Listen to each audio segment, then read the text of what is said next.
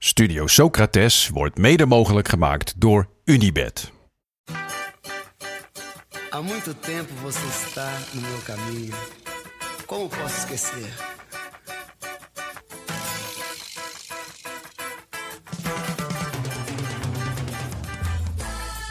Welkom bij Studio Socrates, een podcast over alles wat voetbal mooi maakt. Met voor het eerst een Eredivisie-trainer te gast, namelijk Dick Schreuder. Beleza é você, menina. Menina. Sócrates, Sócrates, tirou! Gol! Sócrates! Lindo gol de Sócrates! Sucesso é você, menina. Menina. No seu modo de andar. Misschien wel de moeilijkste baan ter wereld. Trainer. Gaat het goed? Zijn het de spelers. Gaat het slecht? Kijkt iedereen naar jou. Rijkaard ging daarom wel eens bij een 4-0 voorsprong in de 89e minuut wild schreeuwend en gesticulerend aan de zijlijn staan. Anders vergeten ze nog wel eens dat jij er wat mee te maken hebt. Al dus de voormalig coach van Barcelona.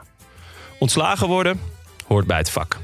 Er is geen trainer die dat nog nooit heeft meegemaakt. Voor jou, tien anderen. Een bal op de paal kan het verschil maken tussen op de bank naast het veld en op de bank naast je vrouw. En toch is de lokroep van het trainerschap onweerstaanbaar. Advocaat, Van Gaal, Hiddink. Dik in de 70, maar ze kunnen het niet laten. Het lijkt wel een verslaving. Vandaag praten we met een jonge trainer die toch al veel heeft meegemaakt. Benieuwd of hij ook verslaafd is. Welkom, Dick Schreuder. Welkom. Trainer van PEC. Voor het eerst een trainer. Ja, we hebben twee spelers al gehad. Ja, Emanuelson en Medunjanin. zeker. En nu Dick Schreuder. En dat komt eh, toch wel een beetje via Harris, toch? Ja, zeker. Zeker via Harris. Toch de, ja, de, de rode draad, denk ik, eh, in Studio Socrates. Eh je hebt een heel goede band met Harris Medunjanin. Ja, klopt. Hoe, hoe, waar komt die vandaan? Nou ja, uiteindelijk kenden we elkaar helemaal niet. En eh, heb ik hem leren kennen toen ik eh, trainer werd bij Philadelphia Union. Ah, ja. In Amerika. ja, en hij speelde daar al. En ik kwam eigenlijk in de voorbereiding, sloot ik aan bij de staf. En werd assistent trainer daar. Assistent van wie? Van Jim Curtin. Die zit er nog steeds. Ja? En doet eh, uitstekend zijn werk. Goeie job. Leuk. Gaan we het straks eh, zeker over hebben. Want ik, ja. Ja. wij zijn heel nieuwsgierig hoe je... Hoe de fok je in Amerika terechtkomt als, Ja. als trainer. Eh, even ook een kleine hoed af naar Yalcin. Die vorige keer ook al Harris Medianin voor ons heeft geregeld. Hij zit hier nu ook weer. Yalcin, leuk dat je er bent. En nou ja, dat Dick hier is, ja, is toch volledig op jouw konto te schrijven. Dus super vet. Ja, we gaan je toch gewoon eh, even kort introduceren voor de luisteraar die denkt: wie is Dick Schreuder? Dat kan natuurlijk. Die, die gekkies zitten er ook tussen. Eh, Dick Schreuder, 51 jaar, geboren in Barneveld. Eh, mooie profcarrière gehad als speler bij onder andere PSV, Groningen, Go Ahead Eagles. En als trainer heel zorgvuldig een carrière opgebouwd. Ja, Ja, klopt, dat tot nu toe? Langzaam. Langzaam. Heel langzaam. Hoofdtrainer geweest bij de amateurs van Barneveld en de semi-profs van Katwijk. Eh, assistent geweest bij Barnet, Philadelphia Union, Hoffenheim, Vitesse. En nu eh, op eigen benen, zoals dat dan eh, heet, Ja. bij PEC Zwolle. waar, ja, waar we kunnen stellen dat je uitstekend werk levert. Nou ja, ja, op zich gaat het beter, maar we staan nog steeds laatste en dat is niet goed genoeg. En we hebben nog zes wedstrijden te spelen. Maar er valt ook nog van alles te winnen. Ja, het is eh, ongemeen spannend onderin. Ja. Gaan we het straks ook zeker, eh, zeker nog hebben. Hoe is het met je?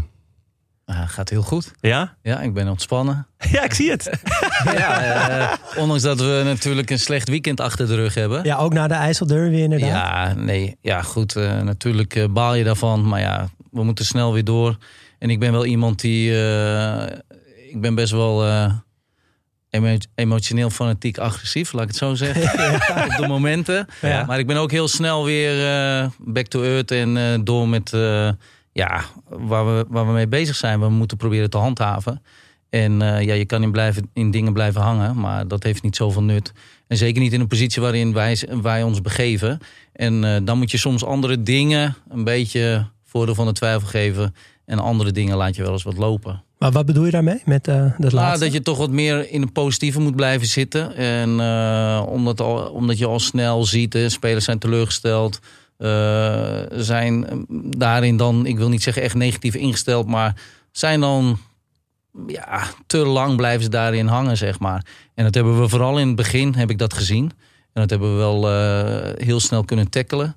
En eh, zijn we mee aan de slag gegaan. En eh, uiteindelijk eh, is het in de dagelijkse gang van zaken, kan ik er niks over zeggen. Echt prima. Hoe doe je dat dan? Hoe, hoe maak je, hoe, hoe ga je op maandagavond of maandagochtend naar de club en zorg je dat, ja, dat, dat iedereen toch weer positief lekker die week Ja, uiteindelijk ingaat? Uiteindelijk, ehm, kijk, als je verliest is het natuurlijk lastig na de wedstrijd. En je ziet spelers teleurgesteld zitten. Daar, daar maak je eigenlijk al een beetje een begin.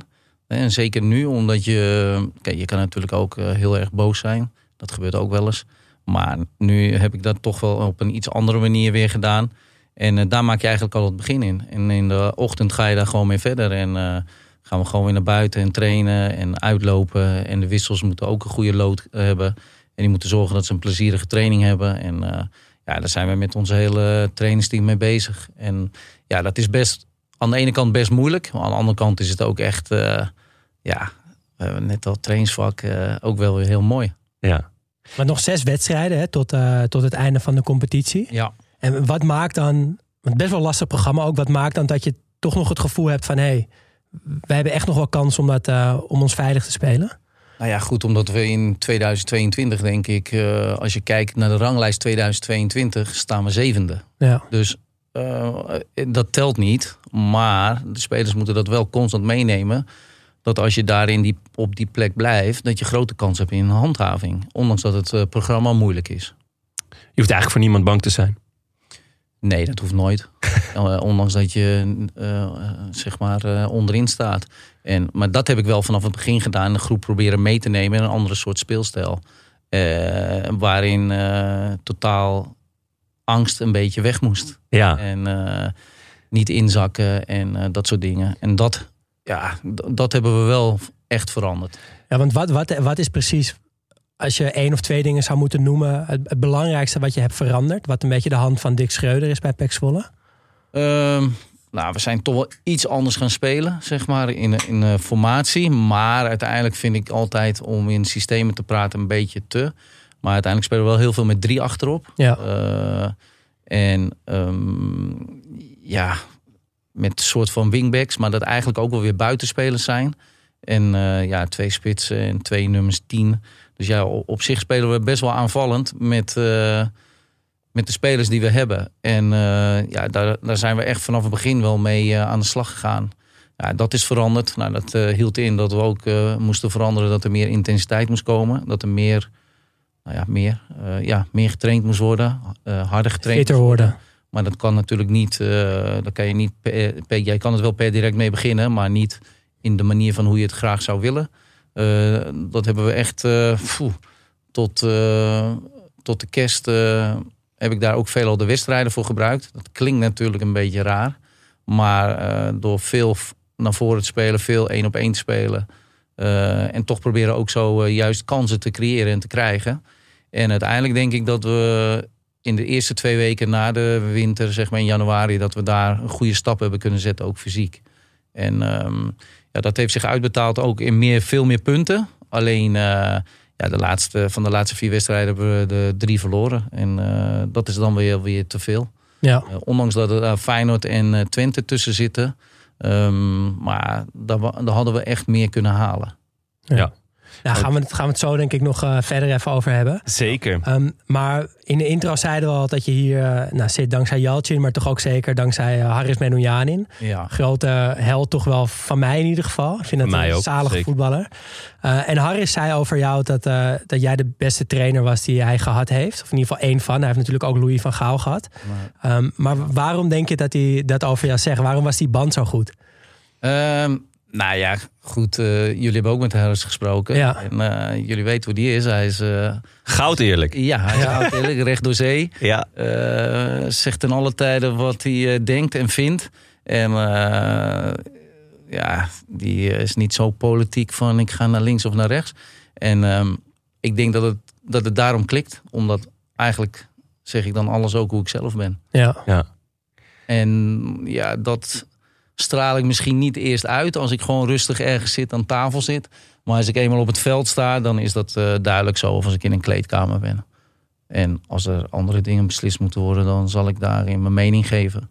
Ehm, en dan hoeft het niet zo te zijn dat ik mijn zin moet hebben. Maar ik zal ten alle tijde proberen daarin wel mijn mening te geven. En, eh, ja, ehm, en ik moet, eh, dan, als ik dan terugdraai over mezelf als trainer, dan heb ik daarin zeg maar echt veel geleerd op het moment dat ik assistent trainer werd.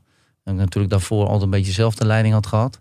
En op het moment dat ik naar eh, Philadelphia ging, eh, dat ik daar eh, en eigenlijk in aanraking kwam ook met, met hem Ja. het veld. dat ik daar veel van geleerd heb. Om eventjes geduld, eventjes even rust en dat soort dingen. Wat meer overzicht hebben. In die Ja, zin. meer overzicht en wat dingen eruit pikken. Ja. Wat je daarin ook de hoofdtrainer kan helpen. En ja, dat, dat is me enorm goed bevallen. Maar uiteindelijk ging het wel heel snel ook wel weer kriebelen hoor. Om het Ja. zelf te doen. Ja. Maar is, het, eh, is je band per definitie anders als je assistent bent of hoofdtrainer? Ehm, ja, het- op zich is het anders. Eh, ik weet nog dat ik eh, Alfred belde en zei van... eh, ehm, kan ik vanavond uit eten? Met een speler. Ja. Als assistent of als hoofdtrainer? ja, als- nee, dat was bij Philadelphia. Of Oh ja, uh, Harrison uit eten. Hij zei, zullen we vanavond gaan eten? Ja. Zei ik, ja, dat laat ik je straks wel weten, zei ik. Maar toen heb ik toch eerst even naar Alfred gebeld. Van, ja, die was natuurlijk zelf al assistent geweest bij Hoffenheim. En eh, ja, dus van, ja, hoe heb jij dat nou gedaan? Weet je wel, toen je daar zat. Hij zei, ja, ik ben ook wel eens wezen eten met Ganabi. Zo, Ja, dus toen zei ik, nou oké. Dus toen heb ik hem gebeld en gezegd, eh, hoe laat haal het op? mag. Ja. ja. Maar Nee, maar ja, dat was voor mij een beetje, een beetje on, ja, Omdat het niet. voelt als een, een conflict of interest. Dus, dus alsof je... ehm, Iemand een speler misschien zou voortrekken. Of, Ja. Ja, nou ja. En uiteindelijk is het ook nog zo als je daar. Je, je zit daar natuurlijk ook als Nederlanders. En Ja. ehm, nou, ik, je kent elkaar nog niet zo heel lang. En uiteindelijk natuurlijk als je gaat eten met elkaar... dan eh, ga je toch op een, een bepaalde manier met elkaar eh, bevriend worden. Maar wat wel heel mooi aan hem is, zeg maar... maar ook eh, hoe hij dat andersom naar mij doet, zeg maar... is dat op het moment dat we echt op de club waren... dan was het totaal niet aan de orde. ja, ja. Dan was het totaal, was het echt zo van trainen, spelen. En eh, ja, daarin heb ik met hem echt eh ja, goede periode gehad. Ja. Maar ook buiten het voetbal om. ja. En voor de duidelijkheid, als trainer zou je dus nooit met een speler gaan eten. Als hoofdtrainer zou ik dat niet zo heel snel doen, denk ik. Misschien nu wel, nu ik heb gezien dat het dus ook zo kan. Ja, Ehm, Als je denkt maar van, nee, die tot nu kan- toe heb ik dat denk, heb, heb ik nog nooit gedaan. nee. Maar als je... Ik zou me daar als, eh, als speler toch ook een klein beetje ongemakkelijk bij voelen. Hoor. Als, als de hoofdtrainer zou vragen, kom je een hapje eten vanavond? Zou ik toch ook een beetje denken, ja, hoe, hoe, zullen- hoe, hoe valt het bij de andere spelers? Is het niet- misschien Ja, als ja, aanvoerder dat het iets anders ik heb is? volgens mij een documentaire bij Koeman gezien dat Frenkie de Jong het wel deed. En dat, Ja. eh, ik hoorde dat Ronald Koeman het vroeger met eh, Johan Cruijff ook had gedaan. En, Ja. nou ja, goed. Ja, het kan, Dus ik kan me voorstellen dat, de- dat, het, dat het ook wel heel, Nou, want een heel ik goede denk- band kan bewerkstelligen. Ja. Maar ik kan me ook voorstellen dat je als trainer bijvoorbeeld ziet dat een speler ergens mee zit. Of, of dat je denkt van, hé, hey, weet je wat, ik, ik, ik neem hem op sleeptouw. Of ik ga eens, ga eens informeren tijdens een hapje eten van, hé, hey, hoe, hoe, Dat, hoe dat gaat is het met een je? totale andere... Ja, eh, dat is natuurlijk ander anders. Ja, maar ja, dat, ja. Is, dat, dat is natuurlijk wel mogelijk. Ja. Maar ik denk wat Ja. Dick zegt, volgens mij moet je heel erg dat gescheiden houden. Dat je dan, als je eenmaal op het veld bent, dat je dan gewoon echt keihard voor elkaar kan zijn. Ja. Uh, want weet je, in voetbalteams heb je die volgens mij bij spelers heel veel door. En als een trainer te close wordt met een speler, dan ja, op, op mijn bescheiden niveau werd dat dan het zoontje van de trainer. Ja, Weet je wel? En dat, Niet dat alleen op jouw mij- bescheiden niveau hoor. wil Op je elk dat, bescheiden eh, niveau. Wil je dat voorkomen, dat er zoiets ontstaat in een spelersgroep? Ja. Dan moet ik hem niet naar Zwolle halen volgend seizoen, want dan kan ik niet met hem uit gaan eten. Nee, nee, nee. Nee, nee, ja, nee. Hoe, zou je, hoe zou je Harris als voetballer omschrijven? Eh, ja, natuurlijk een gouden linkerbeen. Ehm, fanatiek, fit. eh, ja, super technisch. Ehm, weet wat hij doet. Weet al van tevoren wat, eh, wat er gaat gebeuren.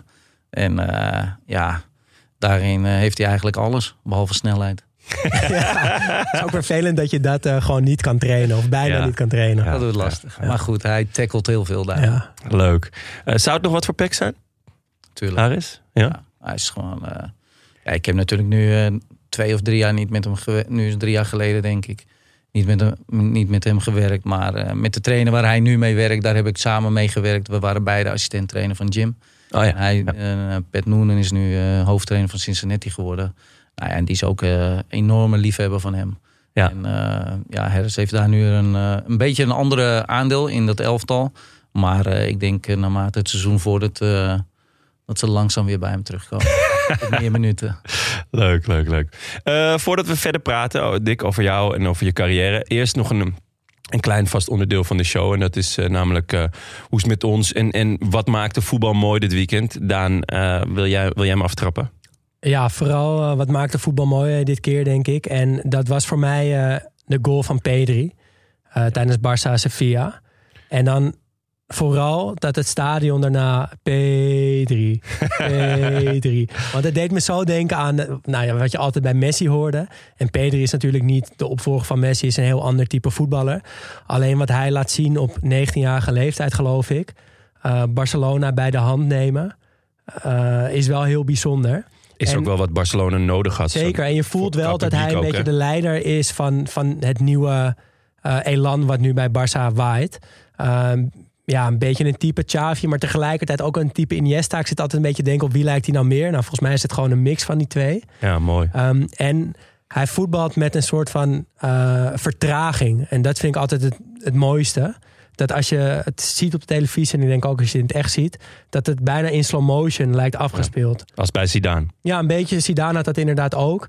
Uh, maar volgens mij komt dat omdat hij het spel zo goed ziet en leest... dat hij altijd daar gaat staan waar hij het meeste tijd heeft. En het daardoor lijkt alsof hij ook op een ander tempo, andere frequentie speelt dan de rest van het veld.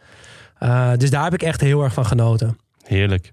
Uh, Dick, we gaan het jou zo ook vragen. Dus mag je alvast uh, een beetje over nadenken van wat er, wat er mooi was dit weekend. Ik zal je nog iets van uh, spijt of respijt geven door mijn mooie moment te noemen. Of het eigenlijk gewoon een wedstrijd. Um, ja, we hadden hem getipt vrijdag. Twente PSV. Wat ja. de fok. ik, ik zat te kijken. ik had eerst Ajax gekeken. Nou, dat was twee keer drie kwartier frustreren eigenlijk. En uh, vervolgens begon uh, Twente PSV en Twente, nou, die raast over het veld. Ze waren overal beter, ervoor, feller. Maar het stond vooral tactisch denk ik heel goed. Want ze kwamen overal voor. PSV kwam nergens aan toe eigenlijk. En het was, uh, nou wat was het, 4, 25 minuten fenomenaal. 3-0. 3-0. En toen viel er eigenlijk uit het niks door, door heel ja, dom balverlies van, van Flap. Uh, viel er een goal die, nou ja, deed me een beetje denken aan Kroos. Die ook altijd met zijn binnenkant zo met heel veel snelheid hem laag in, ja, de, in die Veerman, hè? schoof. Ja, ja van Veerman. Echt mooi. een schitterende goal. En dat was precies wat PSV nodig had. Een goal voor rust. Want dat was de enige manier waarop het nog wat kon worden. En je voelde het al in die, in die ploeg van Twente sluipen. Je voelde het in die wedstrijd sluipen van... Ja, dit gaat nog... Dit gaat nog... Dit gaat nog 3-3 worden en misschien wel meer. Het werd 3-2. Toen werd er nog een goal afgekeurd. Toen had Flap nog een gigantische kans om de 4-2 te maken. Viel niet. Toen in de laatste minuut een blunder van een keeper die fenomenaal keepte.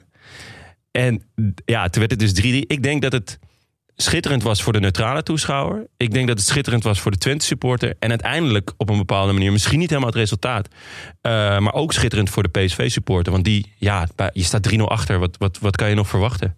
Dus, ja, het was een heerlijke wedstrijd. Het was echt niet normaal. Ja. Heb jij hem gezien, uh, Dick? Ja, ik heb hem gezien, ja. Geniet je daar dan uh, ook echt van? Of ben je dan toch aan ja, het kijken hoe ze... Ja, we hebben die week ervoor natuurlijk zelf tegen Twente gespeeld. Ja. En ehm, ja, waarin we ook uh, weten dat Twente ook supergoed druk zet. En uh, dat is gewoon enorm moeilijk om eronder uit te voetballen.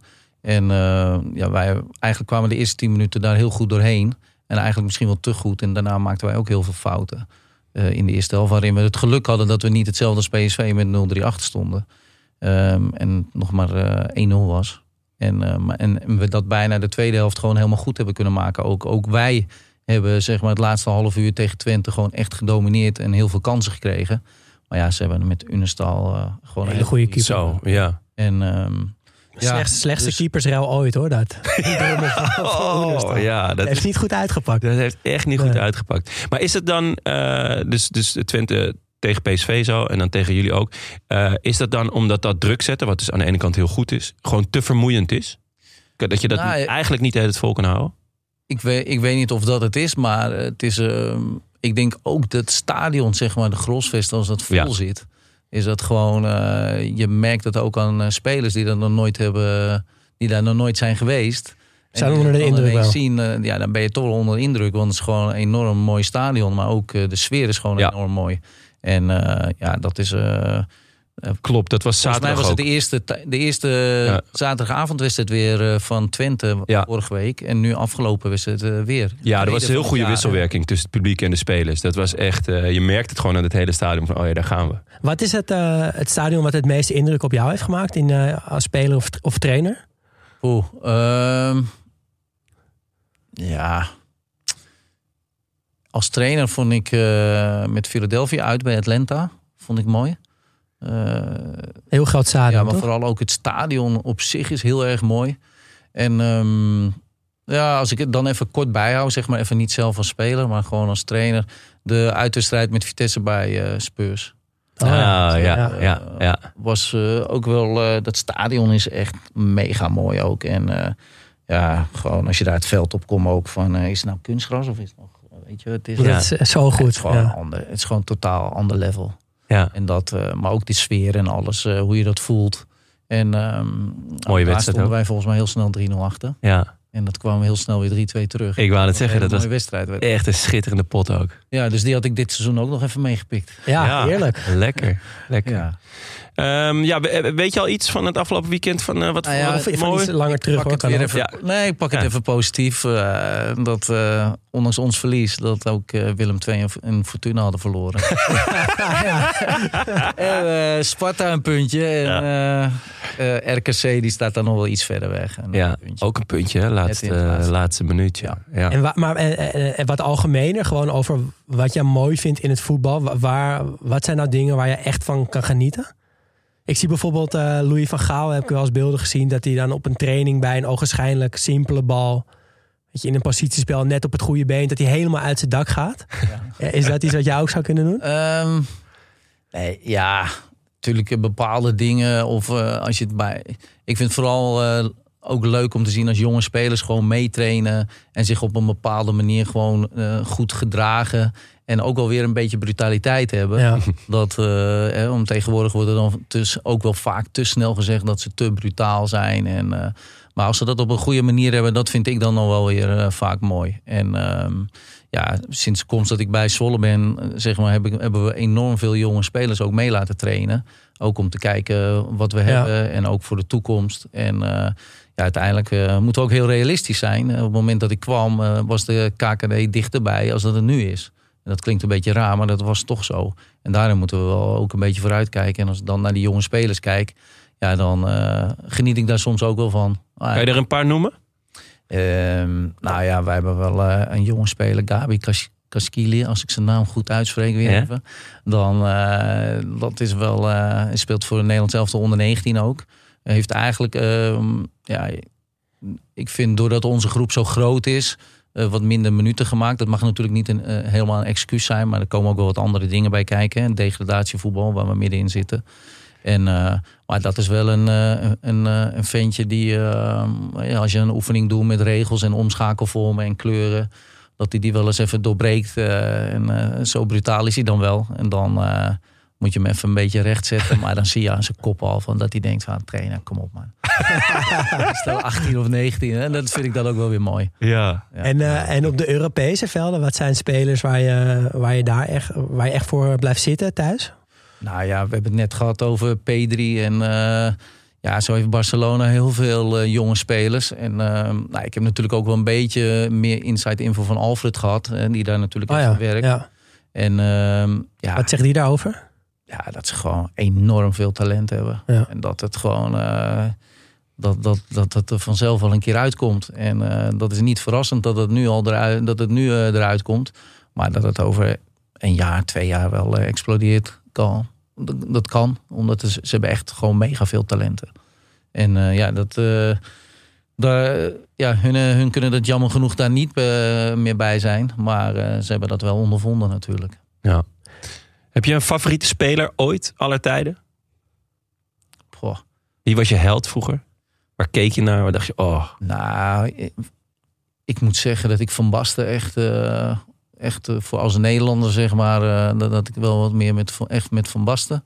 En ehm, ik ben zelf als jonge speler doorgebroken bij PSV. En toen kwam ik op trainingsveld in aanraking met ook al die Nederlandse toppers van Van Breukelen en Van Aalen en, en Vanenburg. Ehm, maar Romario was echt. eh, ja, ik, Hoop, ik hoopte al dat je hem zou noemen. dat beetje moe, beetje moe. Ja, maar die, ja, Hoe, die was gewoon een andere planeet. En, eh, ander zeker- planeet, ander niveau. Zeker als hij zin had. Dan, Ja. ja. ja, en dan moest je als jonge speler dacht van... Hm, weet je, van ja, dat is nou nu even net je voorbeeld zo. Hè, zoals Ja. je de leer of eh, als je dan Erik, Erik Gerrits had als aanvoerder. En, eh, ja. Ja, die was... eh, ja, die was al bo- ver boven de 30 en die was dan nog zo fit en, eh, en- en ook goed. En eh, super professioneel. En dan Ja. eh, met, soms had Romario wel een beetje een andere kant. Maar uiteindelijk was het natuurlijk echt een superspeler. En ja, eh, vooral als hij eh, partijtjes kon doen met, eh, en vooral met de jonge spelers. ja. Wilde hij altijd graag een team maken met jonge spelers tegen de ouderen.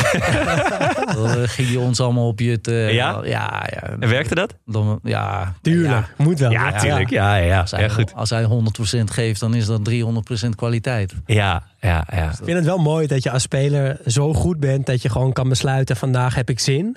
Ja, En dan ben ik ook meteen de beste van iedereen. Nou ja, ik heb wel eens in de kleedkamer gezeten. Dan zat ik, eh, ja, speelde ik niet op de bank. Maar dat ik dacht van, nou, hij zei het toch echt. Hij zei net van, ik ga er vandaag twee scoren. ja. Dan scoorde hij er ook twee. Een andere keer zei hij het echt, ik ga er drie maken. En dan maakte hij er drie. ja, dat is ja, en dat is wel eh, uniek. En, eh, maar hij was echt goed. En ben je wel eens met hem de kroeg in geweest? Want daar was hij ook Ehm, echt goed in. Ja, ik ben wel eens een keer mee geweest. Maar hij is geen drinker. Of, eh, Nee, nee, maar wel een feester, nee, toch? Ja, ja, hij houdt wel van een feestje, ja. Dansen, Ja, vrouwen. allemaal leuk. Ja. Ja. dat vindt hij allemaal leuk. Ja. Ja. En af en toe kwam hij ook een tijdje niet. hoe, Als je even blijven hangen op hoe, Ipanema hoe, zou, hoe zou jij omgaan met een type Romario? ja, dat is bijna ondenkbaar, toch? Ja, daarom vraag ik maar, het. maar je hebt ook bepaalde andere types. Kijk, eh, op een gegeven moment eh, is die ook natuurlijk wel eh, verkocht. En Ja. is die weggegaan. En dat was ook het moment waarin het ook wel moest. Ja. En dat het niet meer kon. Dus er, komt altijd, er komt altijd een moment waarin het echt niet meer kan.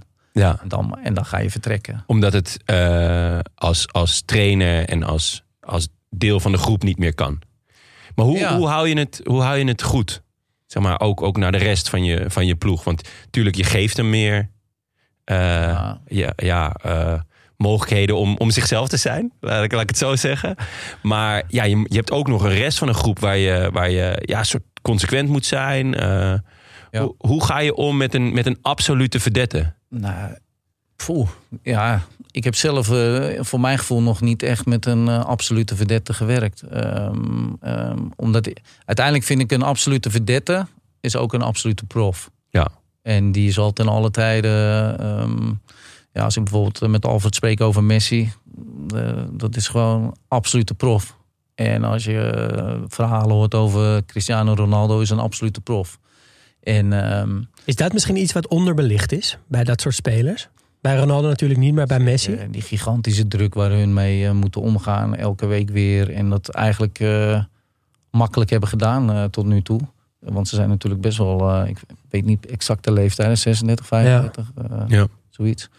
Nee, ja, ja, je kijkt al hoe lang hun aan de top staan. En, eh, ja, en, eh, maar je, kan, je kan ook 50 spelers opnoemen die één jaar goed spelen. Ja. En een contract voor vijf, zes jaar tekenen en niks meer doen. Ja. Ja, en dat, eh, daarin zie je dus de moeilijkheid. eh, Ja. maar goed, eh, ze hebben natuurlijk wel eh, alle schijnwerpers op hun.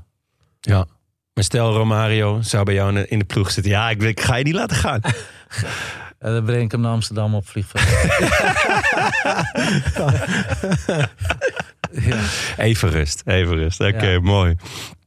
Ehm nou, even kort over zijn voetbalcarrière. Ja, even kort. Ehm, we noemden net al een paar clubs. Eh, PSV, Sparta, Groningen, RKC. Op Wikipedia zag ik ook staan Stoke City. Ja. Maar dan geen één wedstrijd gespeeld, klopt Nee. dat? Ben ik wel benieuwd naar dat verhaal. En dan ook nog heel veel voor de volledigheid Helmond Sport en Go Ahead Eagles. Ja. Maar hoe beland je bij Stoke City zonder er een wedstrijd te spelen?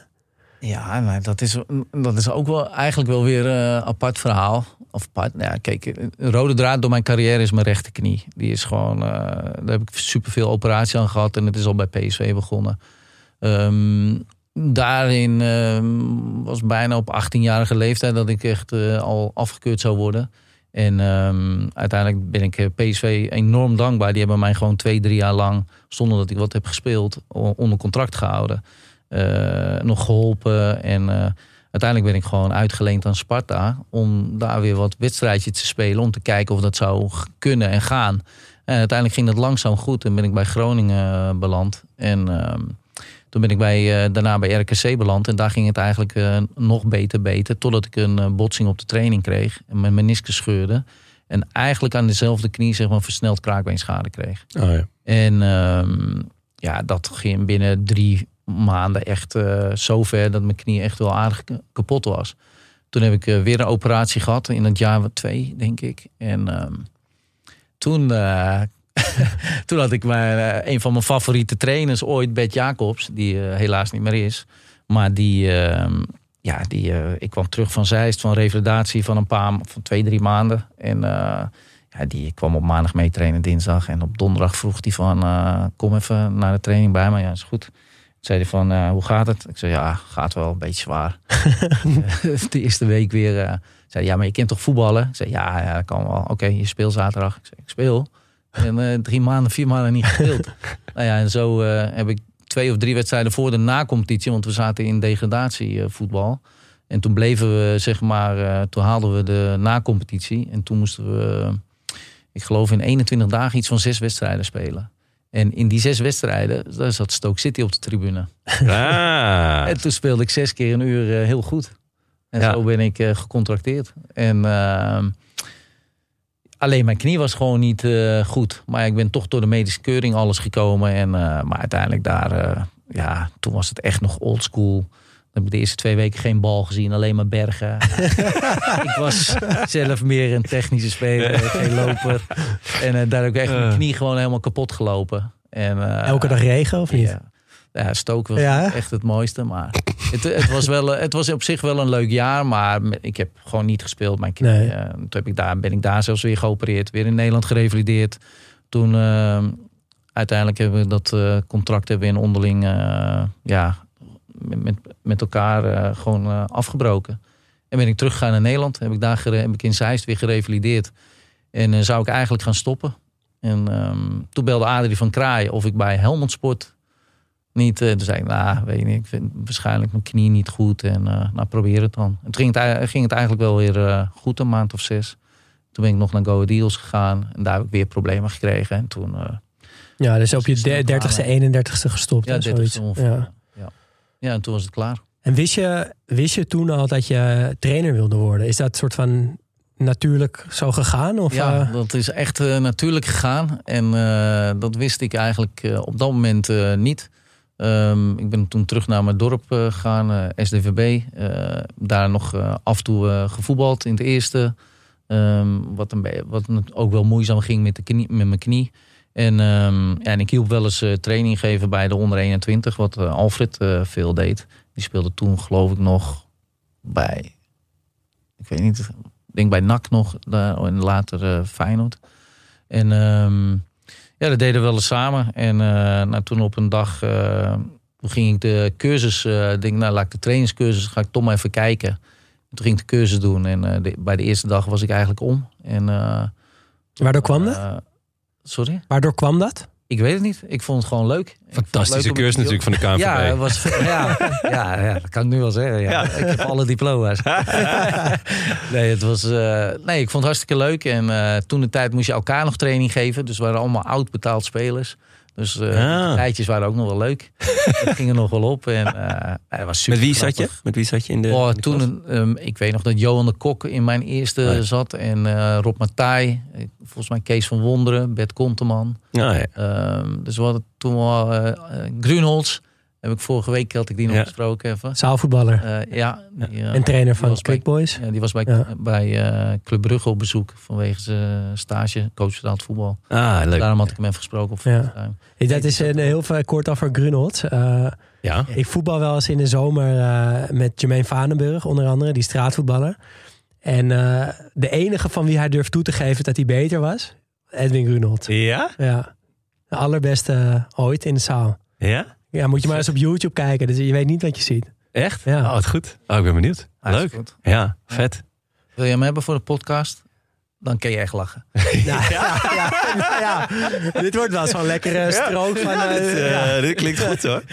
Oh, heel vet. Dan, dan eh, doen Goeie, we. Grunels Ja. en uh, Vanenburg. Ja, dat zou wel echt vet zijn hoor. Dat zou heel vet zijn. Hey, mooi. Wie is de, wie is de beste met wie je hebt samengespeeld? Ja, wel Romario Ja. en eh Vanenburg. Ja.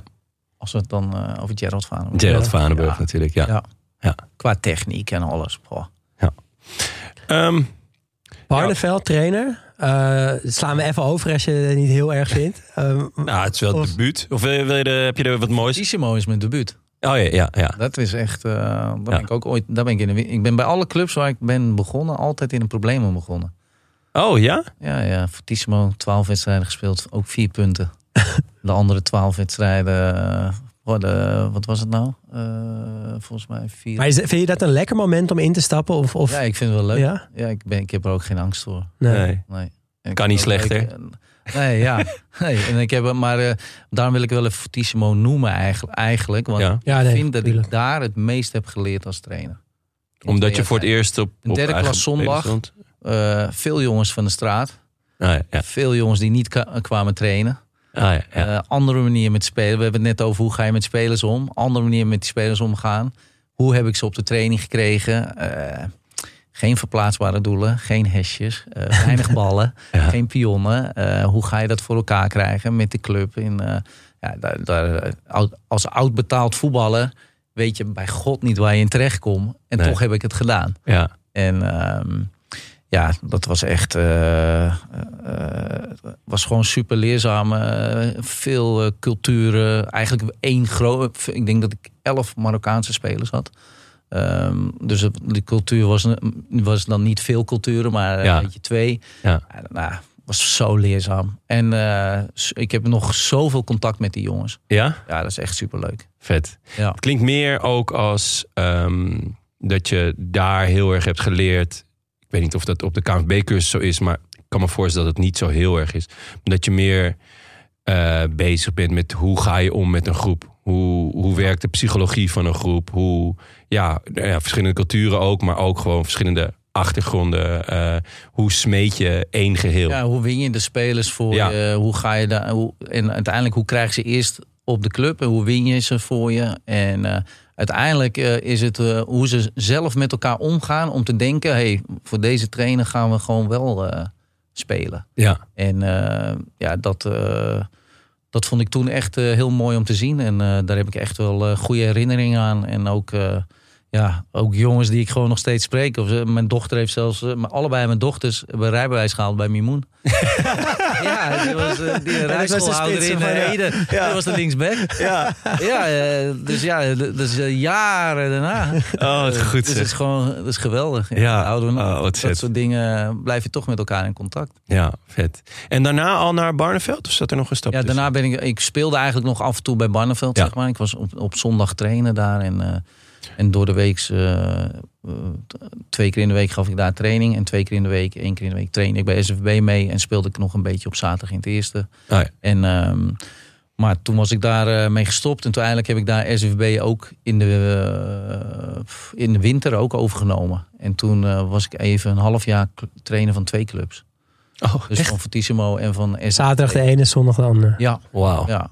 En toen was ik vier, vijf avonden in de week op het Ja. veld. En eh, uiteindelijk ben ik bij SWB verder gaan, bij Fortissimo gestopt. Ja. En eh, ja, dus eh, daar heb ik eh, zes en een half jaar gezeten. Gaan we heel snel door SWB heen nu. Ja, en toen, ik ben heel benieuwd naar, naar Barnet met, met Edgar Davids en Ja. hoe je daar terecht bent gekomen. Nou ja, Ed ken ik al heel mijn leven. En, eh, hoe is dat? Hoe, of- om- hebben jullie samen gevoetbald? Nee. Ja, denk ik, of- nou, we, we hebben. Nou, er komt ook weer. ehm, we hebben wel een keer over Brazilië. Maar ehm, ik ben. eh, kijk, omdat ik natuurlijk eh, met eh, Romario gespeeld heb. Ben ik ook twee keer in Rio geweest. in de zomers. met een groep spelers. Op, op vakantie. Zeg maar. Ja, op vakantie bij hem. En, ehm, en Ed heb ik daar ook heb ik daar ontmoet. Die ken ik al wel van, je, van de onder 18 eh Nederlandse elftal en dat soort dingen. Maar toen, ehm, die was daar ook met een, een Nederlandse Braziliaan, zeg maar. En toevallig kwamen we elkaar tegen na twee dagen of zo. Eh, omdat Romario en eh, Jacob, die kennen elkaar ook goed. En ehm, van het uitgaansleven, denk ik. en eh, zo zijn we een keer twee weken echt heel close met beide groepen opgetrokken in, in Brazilië. En vanaf dat moment, toen was ik denk ik twintig of zo, toen heb ik echt veel contact altijd met Ed gehad. Ja. En ehm Maar wat nog steeds. En, en ja, hij, hij kwam wel eens bij SVB meetrainen. En eh, ja, toen kwam het eh, verhaal dat hij eh, vroeg of ik, een, of ik bij Barnet mee wilde helpen. En toen heb ik eerst nog nee gezegd, omdat het in de winter was. En toen in de zomer... Maar, maar toen zag je dat ze helemaal onderaan stonden en toen dacht je, ik moet nu instappen. Nee, toen zijn ze zijn gedegradeerd.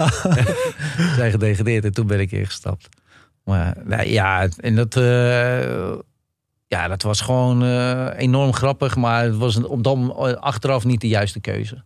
Want? En eh, nou ja, omdat het gewoon niet, eh, het ging niet zoals we het wilden, zeg maar. En eh, Want wat wilden jullie? nou, was het we plan? wilden het toch wel serieus aanpakken. En we wilden toch wel serieus proberen daarin stappen te zetten. En ja, dat is, dat is niet zo gebeurd. En eh, Edgar is eigenlijk na een maand of vier al gestopt. En ehm, ik ben toen met Uli Landvreugd gebleven. En uiteindelijk ehm, kon ik later wel bij Barnet blijven. Maar ehm, ja, ik had al twee keer, met, eh, twee keer heen en weer gevlogen naar Nederland en met Katwijk gesproken. En ik dacht van, ehm, ja, dat lijkt me wel wat. Ja. Alleen eh, die degradeerde. en toen eh, moest ik in de hoofdklasse beginnen. Want toen de tijd was het, eh, wat was het? Topklasse, hoofdklasse. Topklasse. Ja, hoofdklasse, ja, ja. ja. Dus die hadden een enorm goed jaar gehad, Katwijk. En, een daarna, en het jaar daarna een enorm slecht jaar. En eh, daarna ben ik daar trainer geworden. En, ehm, ja, en bij Barnet was, eh, was op zich een heel leuk jaar. Eh, Even voor de luisteraar. Barnet, eh, laagste Engelse profniveau, toch? Was dat? En omschrijven is hoe- waar je dan terechtkomt. In wat voor stadions, wat voor teams speel je tegen? Hoe, hoe Nou is ja, dat je niveau? komt best wel in eh, leuke eh, stadions. En eh, de teams eh, ja, die zijn niet makkelijk om tegen te spelen. En eh, er lopen echt heel veel goede spelers rond. En eh, ja, daar, eh, maar goed, daar verkijken we ons heel veel op. Eh, sowieso als ik vaak met eh, mensen praat in Nederland over het buitenland. Of over, eh, of of nou de derde Bundesliga bijvoorbeeld gaat. Of, eh, of dat het nu over, over Barnet gaat. Ja, daar win je niet zo makkelijk van. eh, Nee. Ook niet. eh, maar goed, ik, dat zie je in Nederland ook. Hè, de, tenden, de tendens de laatste twee, drie jaar. ehm, dat de tweede divisie, het linkerrijtje, is voor mijn gevoel gewoon eh keukenkampioen divisie. Ja, daar willen wij ook ongeveer naartoe, toch, eh, Daan? Ja, nou ja, daar, daar kennen Dick en ik elkaar een heel klein beetje van. Want ik heb een tijdje Ja. bij AFC gevoetbald inderdaad toen, eh, toen jij trainer was bij Katwijk. Een paar keer tegen elkaar gevoetbald. En ik eh, weet nog dat mijn laatste seizoen toen werd Jong AZ kampioen. En ik zat als voorbereiding even te kijken wie er toen allemaal bij Jong AZ voetbalde. Ja, Nou, wij speelden daar uit 2-2. En toen stonden in het veld Fred Friday, Matt Seuntjes, Kelvin Stengs, Marum Boadou, Hatsidiakos, Guus Til en Wijndal. Dus dat zijn jongens die toen allemaal in de tweede divisie speelden. En ik, wat je net zegt over dat niveau van de tweede divisie... in vergelijking met, eh eh met linkerrijtje of rechterrijtje Jupiler League... dat ontloopt elkaar niet zoveel, Nee. toch? nee, nee. Want het wordt heel erg genoemd eh, profvoetbal Koop- tegen amateur. Koopmijnders vergeet. Koopmijners ook nog, ja, inderdaad. ja. Maar die, volgens mij zat die daar toen zelfs op de bank. Ja. In dat, in dat elftal. Alweer ironisch dat je koopmijners vergeet. Ja, ben ik geen, eh, geen fan van inderdaad. Nee.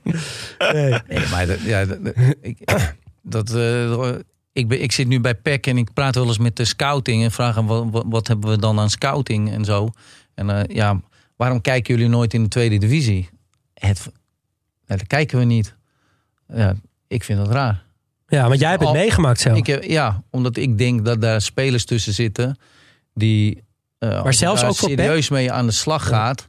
Dat eh, goede jonge talenten, dat er echt wel één of twee bij zitten. Maar je moet het gewoon zien en je moet het gewoon durven. En ehm, ja, ik denk daar nog wel eens anders over. En zeker als ik trainer zou zijn eh, in, in de KKD. Dan, eh, ik heb een stage gedaan bij Volendam. En eh, ik heb bij Volendam vaak, ook vaak zat over gehad. En er wordt er altijd een beetje lacherig over gedaan.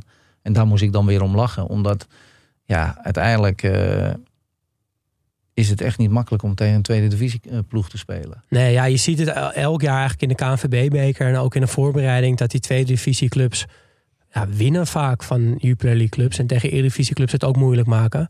Maar wat is dan, ehm, wat is nou het grote verschil als iemand vanuit, eh, nou, je Katwijk bijvoorbeeld, waar jij getraind hebt, naar mee zou doen met Zwolle? Wat, wat is dan het Ik denk dat waarschijnlijk wel eh, dat in het tempo ligt natuurlijk wat ho ligt er hoger. Ja, En eh, ja, conditioneel zal het. maar goed, dat zijn dingen die je vaak wel dat kan leer je, dat trainen. kan je oppikken. Ja, ehm, het sprinten is misschien wat anders. Je, je bent snel of je bent niet snel. Ja, daar kan je altijd wel een bepaald percentage aan verbeteren.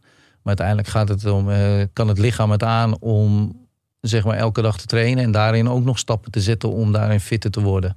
Ehm, wat kan je nog extra in de gym doen? Eh, wat ook eigenlijk al een dagelijkse kost is eh, te- hedendaags. Dus Ja. het is niet alleen maar van, oh je doet maar twee keer in de gym. Ja, bij ons is het elke dag.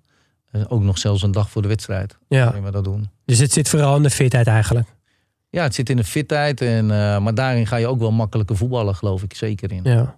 En hoe was je tijd eh, bij Katwijk? Want je bent daar kampioen geworden.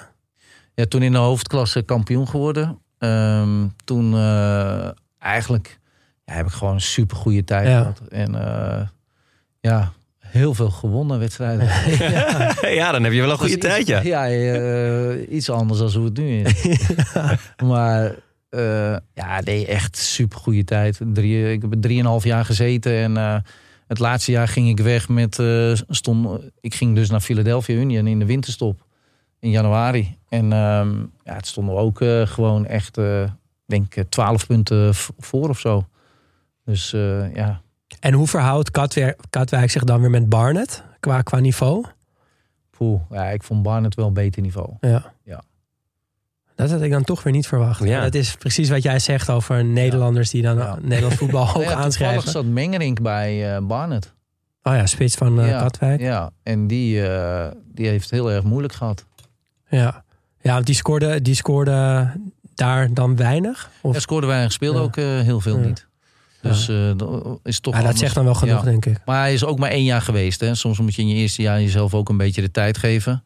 Ehm, maar dat, eh, uiteindelijk heb ik hem meegenomen terug naar Nederland. Naar. Katwijk. Ja, dat is, En, een- eh, dat is een heeft- goede keuze geweest, kan ik zeggen. Ja, eh, ik denk dat hij het gewoon uitstekend heeft gedaan. En eh, ja, volgend jaar naar Tech gaat hij. Ja. Zakken vullen. ja, ja, dat is gewoon zo. Ja, dat is al bekend. Ja, en toen dus naar Philadelphia Union. En nou, toch weer van, van hoofdtrainer naar assistent-trainer. Ja. We hebben het al even kort gehad over die verschillen tussen, tussen, tussen hoofdtrainer zijn en assistent-trainer zijn. Waarom koos je ervoor om dan toch weer de rol van assistent op je te nemen? Nou ja, uiteindelijk was, had het eh, met heel veel dingen te maken. En het grootste was dat ik eh, in november eh, niet werd toegelaten op coachbetaald voetbal. En ehm, ja, en in mijn competitie zat Danny Buis, Adrie Poldervaart, Rijsdijk. En eh, niks ten nadelen van hun, maar die werden allemaal wel toegelaten. En dat waren toen ook allemaal tweede divisie trainers, Ja. toch? ja. En, Altijd een eh, beetje eh, raar, hè, hoe, dat, hoe die toelating gaat. Nou ja, de toelating dat, die, die zit aan bepaalde regels vast. En ik was al eh, drie keer eh, afgewezen. Ik ben vanaf 2008 probeerde ik erop te komen. Nou, ik praat eh, dan tien jaar later, 2018. Toen werd ik voor de derde keer eh, afgewezen. En ehm, omdat de regels dat jaar weer veranderd waren. Dus dat hield in. Dus als je nu betere opleiding had gehad. eh, of je nou ander werk had gehad. Dus nu werd het, eh, de status profvoetballer werd niet echt meegenomen. Ah, Dus ehm, eh, dat is allemaal goed en uitstekend. Alleen voor mij was dat weer niet goed. En ik werd niet toegelaten en toen was ik er klaar mee. En toen dacht ik van, ehm, als er nu iets komt... en dat vond ik ook wel jammer voor Katwijk... maar het zat nu eenmaal in mijn hoofd op dat moment. Ehm, dan ga ik eh, naar het buitenland. En ehm, toen werd ik gebeld door Ernest Stewart. ah, en, dat is de eh, connectie. Ja, Ja. In, eh, in december. En die had eh, ja, Katwijk gewoon drie jaar gevolgd. Vanwege eh, hij natuurlijk bij AZ zat. En jong AZ in de tweede divisie zat. En hij dat dus wel serieus nam. Ja. En hij mij gewoon gevolgd heeft. Omdat we, ja, wij met Katwijk een bepaald manier van spelen hadden, denk ik. Wat hij interessant vond. En dat heeft hij gewoon eh, altijd gevolgd, ondanks dat hij ook nog in eh, Amerika zat. En ehm, toen heb ik een gesprek met hem gehad. En, ehm, en nog een keer met hem en eh, de trainer op FaceTime, Jim Curtin. En toen zat ik in de tweede week van, ik denk dat januari was, zat ik in Florida, in trainingskamp. En Daar is niks zo snel. Nee, nee, zo snel ging het. En toen moest ik een beetje gaan wennen aan mijn rol, die er natuurlijk nieuw werd, eh, ondersteunend werd. En, ehm, maar uiteindelijk eh supergoed eh, naar mijn zin gehad daar. En wat ligt jou beter, denk je? Hoofdtrainer of assistent-trainer? Ehm, het, lijkt me alsof, het lijkt alsof ik als hoofdtrainer me vrijer voel. Ik weet niet wat het is, maar dus het, misschien ligt het me beter. Maar ehm, met, eh, ik moet wel zeggen, met Jim in het begin was het wat stroef, zeg maar. Omdat, omdat ik zelf, omdat het was mijn schuld. Ik kon zelf niet goed de we- mijn weg vinden. En eh, later ging dat eh, beter. Ook met dank aan Harris. Ja. Maar, Ja? ja, maak je niet zo druk, man, om alles.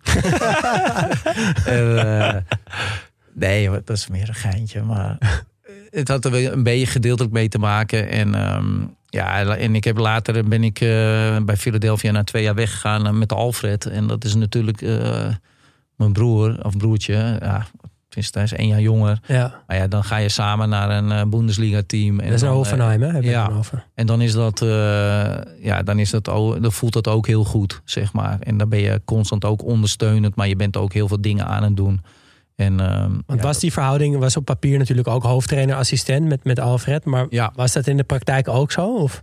Ja, natuurlijk is hij Ja. de hoofdtrainer. Ehm, maar ja, je doet wel eh, veel gedeeltes van trainingen. En dat deed ik bij Philadelphia ook al. En dat was zo fijn aan Jim. Die liet gewoon heel veel aan mij en Pat, over, Pat Noonan over, die nu bij Cincinnati hoofdtrainer is. En ehm, ja, bij Alfred was dat niet anders. Maar uiteindelijk eh, is de hoofdtrainer natuurlijk wel verantwoordelijk voor alles. Ehm, en bij Hoffenheim had ik ook wel wat andere dingen. Deed ik, had ik elke dag zat ik wel even met de technisch directeur. Eh, dus ik had best wel eh, een, een leuke en een goede taak. En wat voor mij natuurlijk ook goed was voor mijn ontwikkeling als trainer. En ehm, welke trainer heb je het meest geleerd? boah. ja, ik denk nou, van Jim over. eh, ehm, nou, ik wil niet zeggen van wegkijken, maar soms toch wat rustige beslissingen nemen, zeg maar.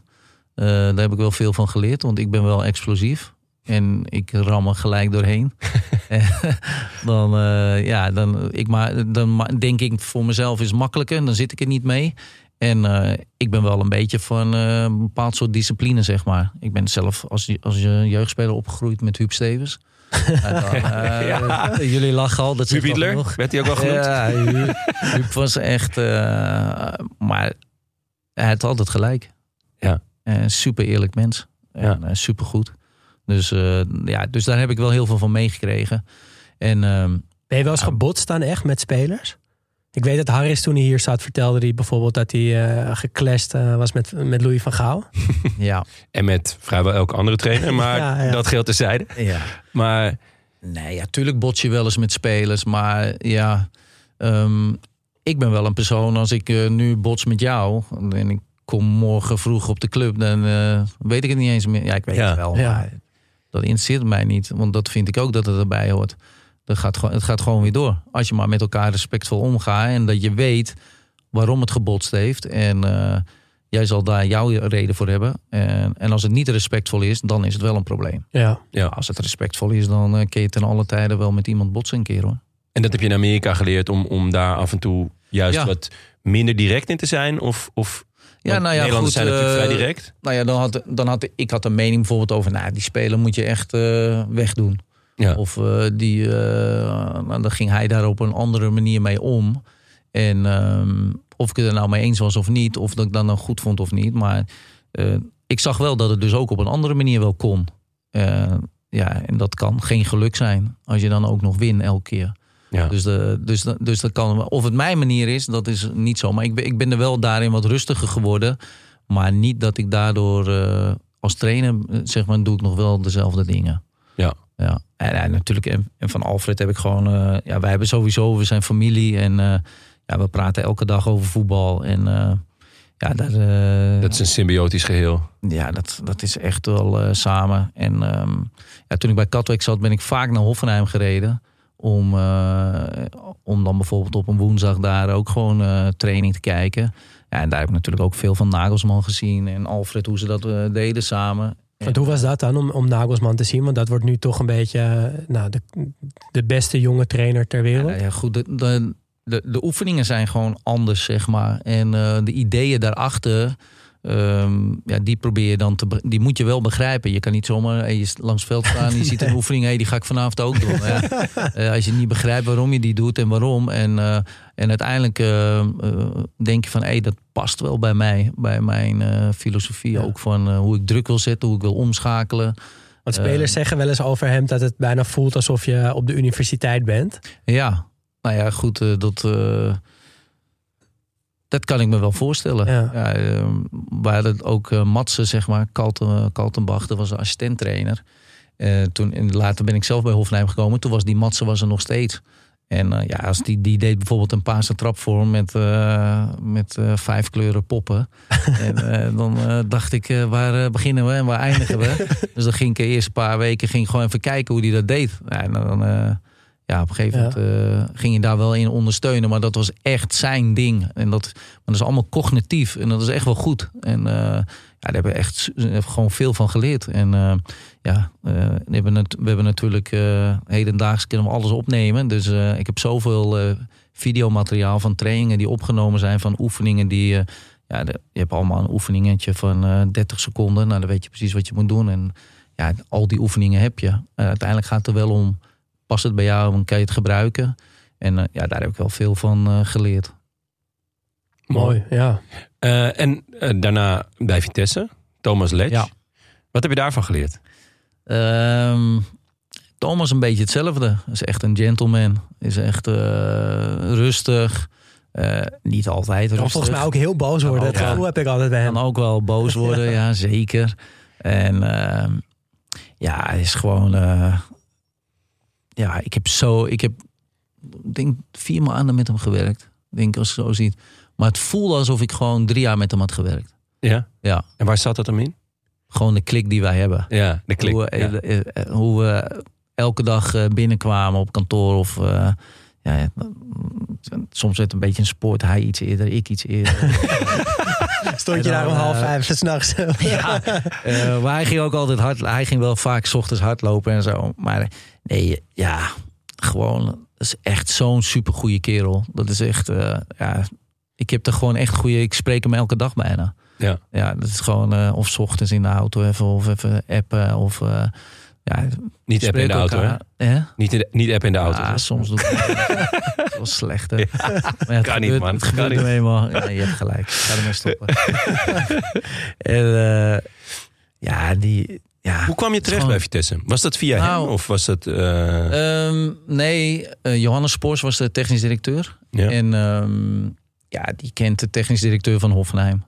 En Oh ja. ja, ik heb helemaal niet gesolliciteerd of zo. Nee. Ik ben gewoon gebeld door Johannes. Hey, eh, we hebben een functie vrij. En ik heb Alex gesproken. En eh, ja, die is nogal positief over je. Dus eh, ja, zo ging het. En eh, toen, eh, een uur later, zat ik, eh, heb ik twee uur op FaceTime gesproken met, eh, met Thomas, die in eh, Salzburg was. Thuis in de zomer, want het was in de zomer. Ja. En ehm, ja, toen was ik ineens uh, assistent trainer bij eh, Vitesse. Je denkt dat het allemaal zo professioneel gaat. Maar het is dus gewoon één keer bellen, één keer facetimen. En, eh, Het is ongekend. Ja. Ja. Ja. je hebt een contract voor twee jaar. Ja. Vier maanden later ben je weer weg. Ja, ja want dat is, dat Ja. is inderdaad hoe het, hoe, hoe, hoe het is gegaan. Je, be- eh, het kwam voor mij, ja, eh, terwijl ik toch wel redelijk goed alles volg. eh, het kwam voor mij echt eh, als een donderslag bij heldere hemel. Nee, zeker. Maar dat geloof ik ook zeker. Dat het eh, in Nederland ook zoiets van... van wat doet Pek Zwolle nou? Die nemen Dick Schreuder als hoofdtrainer en staan op degraderen. En, en ja, ik ben een, qua leeftijd nog niet, niet jong. Maar ik ben wel een jonge hoofdtrainer, zeg maar, in betaalde voetbal. Alleen ik ben al wel heel lang trainer. Dus daarin heb ik wel ervaring, zeg maar. Dus ik begrijp dat ook wel. En, ehm, en voor mezelf was het ook wel hoor. Ik had natuurlijk de keuze gemaakt om bij Vitesse. eh, misschien lag er ook wel een andere toekomst voor mij bij Vitesse uiteindelijk. Ehm, Hoofdtrainerschap? nou ja, dat zou, ook, dat zou maar zo kunnen, zeg maar. Dat weet je ook Ja. niet. Hè? Want eh, Thomas doet natuurlijk fantastisch. Dus die kan ook zomaar zo weg zijn. Ja. Ehm, en ik heb, het, ik heb het bij Hoffenheim heb ik gewoon eh, een goede indruk achtergelaten. Ik ben wel ontslagen. maar Dat gebeurt bij eh, vrijwel elke wel, eh, een, ja, Alfred stapte op en Ja. ja. ik zit daar gewoon aan vast. En Ja. ik ben een soort van ontslagen. Ja. En, eh, maar ik heb ook, ook met de technisch directeur van Hoffenheim heb ik nog minimaal één keer in de week contact. Dus, ja, dat, dus ja, daarin. Voor jezelf heb je dan zeg maar wel het gevoel, nou, ik heb het dan wel goed gedaan. Als ik dan ook zomaar bij Vitesse kan komen, dan heb ik wel te danken aan iemand die mij gewoon, ja, die gewoon goede dingen over mij vertelt. En ehm, ja, bij eh, Vitesse. eh, ik wilde eigenlijk, en dat klinkt dan ook weer raar, want ik heb eigenlijk helemaal niks bereikt in Nederland. Eh, behalve dat ik bij Katwijk Ja, best wel veel wedstrijden heb gewonnen. Maar voor de rest niks. Ehm, wilde ik eigenlijk niet meer in Nederland werken. Ehm, Vanwege de co- cursus coach betaald nee, nee, nee, maar ik zat, ik zat nu wel op de cursus, dus zeg Oh ja, maar. Eh, dus ik zat wel op de cursus, maar ik had het gevoel van, nee, ik wil niet. eh, nee, ik, ik, het voelt gewoon goed. In Amerika goed gevoeld, in Duitsland goed gevoeld. Ik wil gewoon proberen weer ergens daar aan de slag te komen. Alleen ja, toen kwam dus wel eh, Vitesse. Ehm, Is ook bijna is natuurlijk. Duits, alles was Duits. Eh, Thomas was Duits. Eh, Thomas zei ook letterlijk van... eh, ja, kan ik lekker Duits met je praten? en dan, is niet zo elke middag gewoon op de club. Ja, heerlijk. Braadworst. Braadworst, Top. alles erbij. Nee, en dat, ja, dat was voor mij, ehm, zeg maar, de reden dat ik naar Vitesse ging, was dat. Was de speelstijl die Thomas speelde. Eh, waarin, wat ik dus ook wel leuk vond. Ja. En, en waar ik ook, ook mijn ei kwijt vond, wat hij vond dat ze nog beter aan de bal moesten worden. Ehm, en ik eigenlijk ben een beetje een mix van die speelstijl. Ja. Ik vind, eh, ehm, ik vind aan de bal belangrijk en ik vind zonder bal belangrijk. En ja, bij Thomas is echt wel die Red Bull filosofie, dat zonder bal heel erg. En eh, ja, dat doet hij ook echt fantastisch. En hoe hij daarover praat vind ik ook heel mooi. Ja. En, ehm, maar ja, zo ben ik wel bij Vitesse gekomen. Maar wel zo van, nou, als er iets moois voor mij komt wat ik zou willen als hoofdtrainer, dan zou ik weg kunnen. Ja. Ehm, uiteindelijk ging dat wel heel moeilijk. Ja? ja, nee, uiteindelijk was Johannes er niet blij mee. En dat Was snap ook wel ik ook. Ja, dat snap ik ook. En ehm, ja, we, eh, ging dat niet zo makkelijk. Maar Johannes was zelf een maand later ook weg naar Genua. en dat bedoel Ja, ik. ja, we ja, hebben het ja. weer over de voetballerij. Ja. Ja, ja, het is ja. allemaal, eh, ja, je Toch weet voor jezelf kiezen. Ja. Dat- ik, ik vind het wel nou ja, voor jezelf, ja, voor wat, wat, welk gevoel heb je erbij en eh, wie wil je graag eh, verder helpen? Want Ja. eh, ik kies ervoor om nu een andere club te helpen. Ja. En ook mezelf natuurlijk om eh, als hoofdtrainer proberen iets neer te zetten. Wel grappig wat je zegt over Ledge. Eh, dus dat hij een trainer is die zich ge- eigenlijk bijna specialiseert in het niet hebben van de bal. Terwijl hij toch leuk voetbal speelt op een bepaalde manier. Zeker. Eh, en dat hij dan jou aantrekt als voor het hebben van wel de bal. Dus dat hij een soort van. Ja, nou ja, toch een soort het van was niet zozeer dat hij iets voor het hebben van de bal, maar hij vond van hé, hey, daar, eh, Daar kunnen we nog verbeteren. ja, daar kunnen we verbeteren. Dan wil ik echt dat jij je daarmee bezighoudt. Ja. uiteindelijk eh, eh, gaan die dingen allemaal vanzelf. En eh, bleef de focus ook vooral wel op het hebben eh, van niet de bal. Of tenminste Ja. van het pressing. En ehm, ja, ik heb bij het binnenkomen van eh, Zwolle bijvoorbeeld gezegd tegen de staf. We gaan ons eerst focussen op fitness, of fit, eh, fitheid, Ja. fitness. En we gaan ons focussen op pressing. En dan komt het voetbal vanzelf.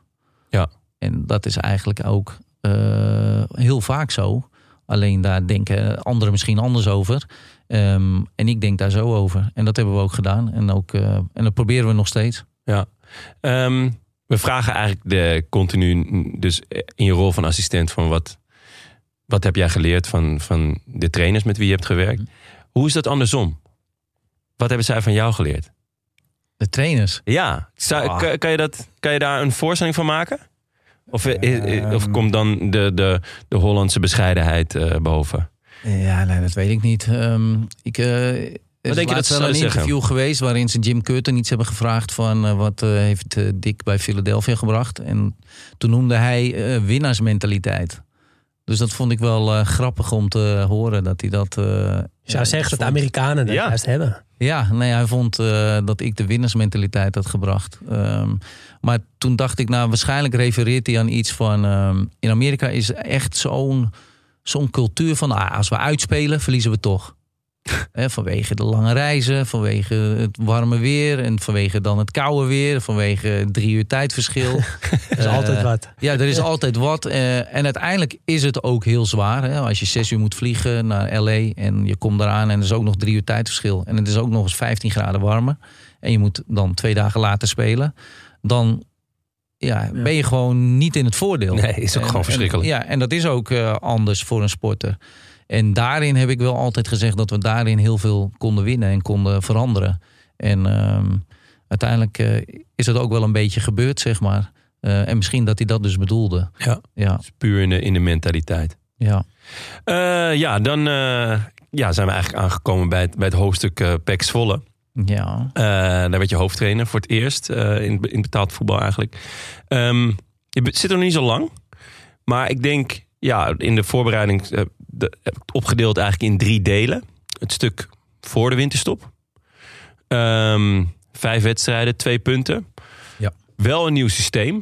Dus van 4-3-3 naar 3-5-2. Met de eh, beroemde wingbacks eigenlijk. Wat, ja, toch het systeem wat we Ja. veel zien.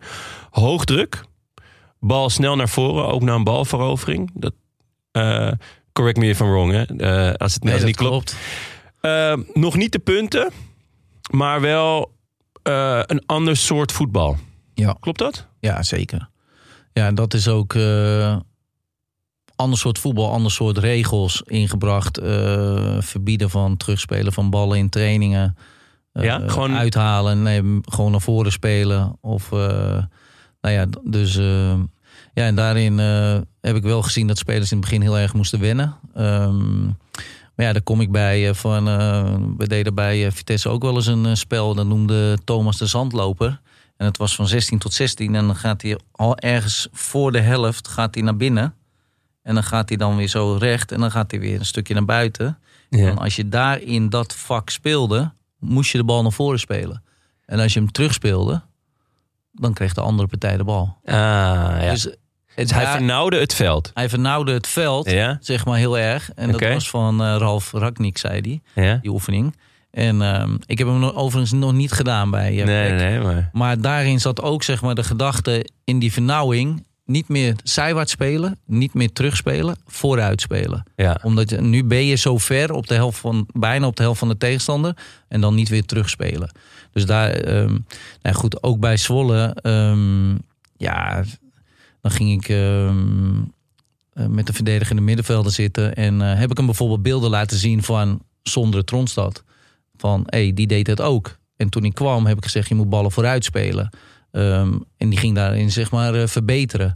Ehm, en uiteindelijk heb ik dat eigenlijk met het hele team gedaan in de eerste week. Door heel veel beelden te laten zien van hoe ik het wil. En ook wel wat andere teams bij heb gehaald. Maar ook wel veel beelden van hunzelf. Ondanks dat ze een ander systeem speelden.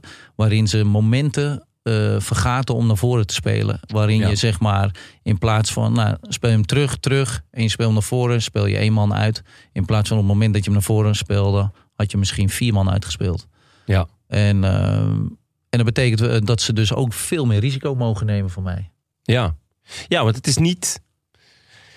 Nou ja, eh, degradatievoetbal. Althans, niet, Nee. het- niet, niet, wat... het cliché van degradatie. nee, inderdaad. Eh, Nee, het- dus, ja. dus een beetje de safety first. eh, voor de Ja, goal. inzakken, inzakken, hopen op een counter. hopen op een En, counter, eh, snelle jongens voorin eh, en eventueel eh, een, eh Cornertje, een cornertje of een vrije trap. ja, nou ja, nee. ehm, Heb je moeten knokken tegen, eh, nou ja, is dat laatste? Heb je binnen de club moeten knokken tegen, tegen van, hé, hey, wat, wat doe je nou? Eh, nee, eigenlijk niet. Ehm, natuurlijk eh, eh, hoor je wel eens van, eh, ja, ander systeem brengt het ook niet. En, dat, maar goed, dat, dat weet je. Uiteindelijk als je niet wint, dan heb je het nooit goed gedaan. Ja. En ehm, ja, ik heb gewoon altijd geloofd in, in dit, zeg maar. Maar dit kan ook in een 4-3-3. eh, of in een 4-4-2. Of het, gaat het gaat meer om de spelprincipes. En het gaat niet zozeer om het systeem. En ehm, kijk, als je wat verder onderweg bent met een team, dan kan je ook gewoon 4-3 spelen met bal. En zonder bal kan je misschien 4-4-2 spelen. Of, maar ja, ik bedoel, uiteindelijk, eh, als we allemaal gevoetbald hebben, weet je dat wel. Maar het gebeurt gewoon niet zo vaak. Hè? Omdat ze kiezen vaak voor één iets en dat doen we. Alleen, eh, ik wil straks wel zover zijn met mijn team dat ik bepaalde dingen anders kan. Ehm, ja, Dat je eh, in de we- wedstrijd kan wisselen van ja, systeem? nee, of ja van- tegen, eh, tegen Twente. Ja, we moeten wel vaker een goal maken om te maar tegen Twente moesten we, hebben we het laatste half uur een soort van 3-2, 3-2 gespeeld. Ja, en dat zijn. eh, eh, en tegen Feyenoord die week tevoren ook een beetje. Ja, eh, waarin we eigenlijk de wedstrijd controleren. eh, maken één foutje, komen op 1-1. Daarna wordt de wedstrijd gestaakt. En eh, daarna glijden twee minuten later twee spelers uit en eh 2-1 achter. En toen moesten we ook dingen iets anders gaan doen. Ehm, en vaak gebeurt dat zeg maar in. eh, eh, vaak gebeurt dat als je achterkomt. eh, dat soort dingen. Maar ik wil graag straks zover zijn dat we het ook doen als we voorstaan. Dat je dingen anders kan gaan doen. En, eh, dan, en niet in verdedigend opzicht, maar nog meer in aanvallend opzicht om het anders te doen. Ja. ja, want dan is het winterstop. winterstop. Ja. Dat kan me voorstellen dat het voor een trainer fijn is. Eh, omdat je dan kan gaan slijpen. Kan gaan, eh, ja, je ideeën, ja, wat, Wat, meer tijd, wat minder wat- wedstrijden. ja, inderdaad. Ja. Ehm, echt gaan bouwen. Nou, eh, dat pakte best lekker uit. Ja, achteraf wel. Op het moment dat, je zegt het nu zeg maar, op het moment dat de windstop kwam, had ik het niet. Want we, we speelden heel goed tegen Groningen uit. We speelden heel goed tegen Vitesse uit. Eh, ondanks dat het maar, eh, zeg maar, Vitesse uit verloren we 1-0. Maar we, we hadden gewoon kunnen winnen. Ja. En eh, Groningen uit gaven we gewoon ook eigenlijk een kopbal in eigen goal, een corner. En voor de rest eigenlijk niks aan de hand. En dat was 1-1. Ehm, toen had ik het gevoel van, nou, pff, die winter had niet gehoeven. Maar als je dan achteraf terugkijkt en dan wat jij net zeg, ook zelf zegt, die twee weken, die heeft ons enorm geholpen. Ook eh, met te trainen, ook met eh, ja, eh, twee keer op een dag trainen, wat ze ook al helemaal niet meer gewend waren. Dat was echt ook ongelooflijk. dus ja, dus dat heeft gewoon enorm geholpen. Ja, een paar nieuwe jongens ook. Niet, in ieder geval drie ongeveer, geloof Ja, ik. vier. Drie of vier. Ja. Dat helpt natuurlijk ook wel. Ehm, Na de winterstop, eerste zeven wedstrijden, 14 punten. Ja. Eh, het systeem in combinatie dus met die aankopen en eh, vooral de fitheid van de spelers werpt zijn vruchten af. Ik las een, eh, een, een mooie analyse op VI Pro. Ehm, ja, waar de, de, de, de cijfers in de periode zijn, zijn echt eh, denderend. Dus in de top drie van snelle balveroveringen. Dus achter eh, volgens mij Ajax en Feyenoord. Eh, vooral de plek waar de bal wordt veroverd. Diep Ja. op, op, op, in de aanvallende helft van de tegenstander. Ehm, en na de balverovering gaan de ballen niet meer achteruit, maar naar voren. Dus het meest directe spel van de eredivisie. Ja. Eh, dan heb je flink getraind in de winterstop, neem ik aan. Dan, da, daar daar en heb dan je komen je ideeën dus- dus Ja. ook best wel snel tot de uiting. Ja, alleen eh, we- even- wat ik nu dus wel merk, en dat is, dat is gewoon nou eenmaal zo, is dat, ze, dat de jongens er ook wel moeite mee hebben om het zo ook vol te houden. Ja. Ja. Omdat, het, omdat ze het natuurlijk niet eh, gewend zijn. Eh, en je zit eh, midden in een seizoen. Ehm, en daarin eh, kijken we elke dag van, is het nou fysiek? Is het mentaal? Is het, eh, het mentale, de mentale druk van het onderaan staan? Ehm, en daarin hebben we, denk ik, de laatste drie wedstrijden hebben we dat niet goed gedaan. En Ja. daar moeten we ook eerlijk in zijn. En eh, tenminste, ik vond tegen Feyenoord dat we het goed hebben gedaan. En tegen Twente hadden we met rust, net als PSV, ook 0-3 achter kunnen staan. Ehm, uiteindelijk hadden we, hebben we tegen Twente de laatste half uur wel veel kansen gecreëerd. Ehm, maar niet in hoe, het, hoe jij het net hebt opgenoemd, in hoe het echt zeg maar, bij mij past. Ja, ja nee, want dat is eigenlijk deel drie. Eh, dus, dus de laatste paar wedstrijden die, die, die verloren gingen, waardoor het nu eigenlijk eh, ongemeen eh, spannend is onderin. Ehm, ja, die, die, die, die fitheid is wel echt een, een, een heel essentieel deel. Tegen Cambuur, 127 kilometer gelopen als team. Dat is echt absurd veel volgens mij. Ja, ik dacht dat, dat het niet. Ik, volgens mij klopt het nog steeds niet. Ja, nee? Ja, de, dit zijn... Ik- Ik zeg elke keer tegen die. eh, ah, ik, eh, ik vraag er altijd wel eh, zeg maar eh, na van hey, hoe, hoe was het nou? Eh, want ja, uiteindelijk, je kan nog zoveel lopen, maar als je niet wint, helpt ook niet. Ja, Maar ehm, ik vond wel dat eh, Thomas greep dit altijd aan. Als je meer loopt als tegenstander, dan win je gewoon, zeg hij altijd. Ja? Anders leed Ja, je. ja, ja. Ja. ja. Dus, Ja. eh, maar nee, ja, het was. eh, maar die wedstrijd was ook echt. Eh, Ja, die was, die was fenomenaal. Dat was echt een eh, heerlijk Die ging echt op en neer. En, eh, 3-4 uiteindelijk. ja, en volgens En, mij op, op kunstgras. eh, misschien loop je op kunstgras ook nog wel meer. Kijk, kijk Heracles bijvoorbeeld. Die loopt het meeste van de competitie. Ja, dat zou eigenlijk... Ja, dat zou, dat zou Dus best... die staat in de top, kunnen, ja. zeg maar, daarin. Ja. En ehm, Wel ook een Duitse trainer die misschien daar ook... wij, hebben het gemerkt, toch? Want wij zijn daar echt helemaal af. wij, Ja. eh, en toen dachten we dat het goed ging. Ja. ja. Dan stonden we weer met beide benen op de grond. Ja, is, is, eh, wat dat betreft is jullie status veranderd eh, na die goede start in de winterstop? Dat plo- ploegen zich Ja. eh, gaan instellen erop, anders, anders gaan doen? Tuurlijk, maar die feedback krijg je ook wel. eh, de trainers die voor de wedstrijd met je praten. En, eh, of daarna of door de week wel eens een keer. Ja, die zien ook verandering. En eh, die zijn natuurlijk ook niet eh, dom. En eh, ik zie ook wel eh, dat de tegenstander wat sneller de lange bal gaat spelen. Als we hoger op het veld staan. En, en daar moeten wij weer allemaal andere ideeën op vinden. En daar zijn we ook echt wel mee bezig. Maar ja, dat kost ook weer tijd. En ja, dat is nou net wat je niet hebt als je midden in het seizoen ergens komt. En dan heb je toch, is het toch vaak lekkerder als je die eerste acht weken hebt, zeg maar. En, en ook als je nog misschien iets meer kan bemoeien met de samenstelling van de groep. En, ehm, maar uiteindelijk eh, ben ik gewoon tevreden in hoe spelers dingen oppakken, hoe ik die wil. En eh, ja, ja, ik zou dingen misschien nog wel eens sneller willen, maar dat gaat ook niet altijd. En Nee. daar moet ik ook realistisch in zijn. Want je staat voorlopig laatste met 20 Ja. punten. Eh, Fortuna, twee punten meer, maar potje minder gespeeld ook. Sparta komen nog twee wedstrijden bij, waarvan eentje nog die laatste zes minuten waar ze Ja. voor staan. Willem 2 staat op 23 punten. RKC 28. Ehm, wat maakt dat je er nog vertrouwen in hebt? Want ik neem aan dat je er nog volle bak vertrouwen in hebt. Zeker. Dat hoef ik niet te vragen. Nee. Eh, wat, wat, wat maakt het? Wat zie je in de groep dat nog... Nou ja, goed. Ik, heb, ehm, ik zie in de groep nog steeds dat ze strijdbaar zijn. En ik zie nog steeds elke dag hoe we trainen met elkaar en hoe we ermee bezig zijn om eh, te winnen. Maar ik snap ook wel dat het steeds moeilijker voor die jongens wordt. Eh, en als je dan, ja, en ik straal dat vertrouwen wel gewoon uit. hè. Als, ik, als ik als trainer daarbij ga lopen en ik geloof er niet meer in, ja, dan eh, ik, geloof er, ik geloof het in alle tijden nog in. Ja. Ik bedoel, eh, zolang je die punten nog kan halen, dan is het gewoon mogelijk. En, ehm, en ik geloof er ook in dat wij gewoon wel dat kunnen brengen. Ook eh, aanstaande weekend weer tegen AZ. Ja. Mijn laatste vraag, want eh, Daan is nog heel nieuwsgierig naar je vakantie met Romario in Brazilië. En voorkomen terecht. Mijn laatste vraag, eh, is natuurlijk eh, ook in navolging van de, de, de, de het motto van de podcast. Wat is het mooiste van het trainersvak? Gewoon het allermooist. Dat je denkt, ja, dat is waarom ik elke dag naar die club rij. En met die jongens op het veld ga staan. Nou ja, Misschien is dat wel het mooist. De mensen bij Zwolle kennen we nu al heel goed. Die, ehm, nou ja, dat is niet het mooiste, maar die, die zeggen altijd: er moet even iets gebeuren in de ochtend. Dan is eh, dat ik een beetje gek word.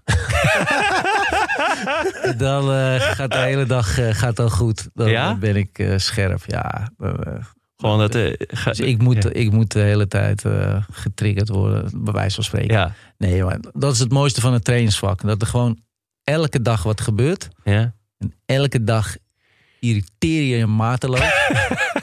zeg maar aan dingen. Ja, En, uh, twisten vind ik. En, Ja. en, en toch vind ik het super mooi. ja. En toch eh, mooi. Dat, ja, ik bedoel, eh, of het nu bij Zwolle is of bij Vitesse. Of nou bij Vitesse bij trainingsveld eh, het gras te lang is.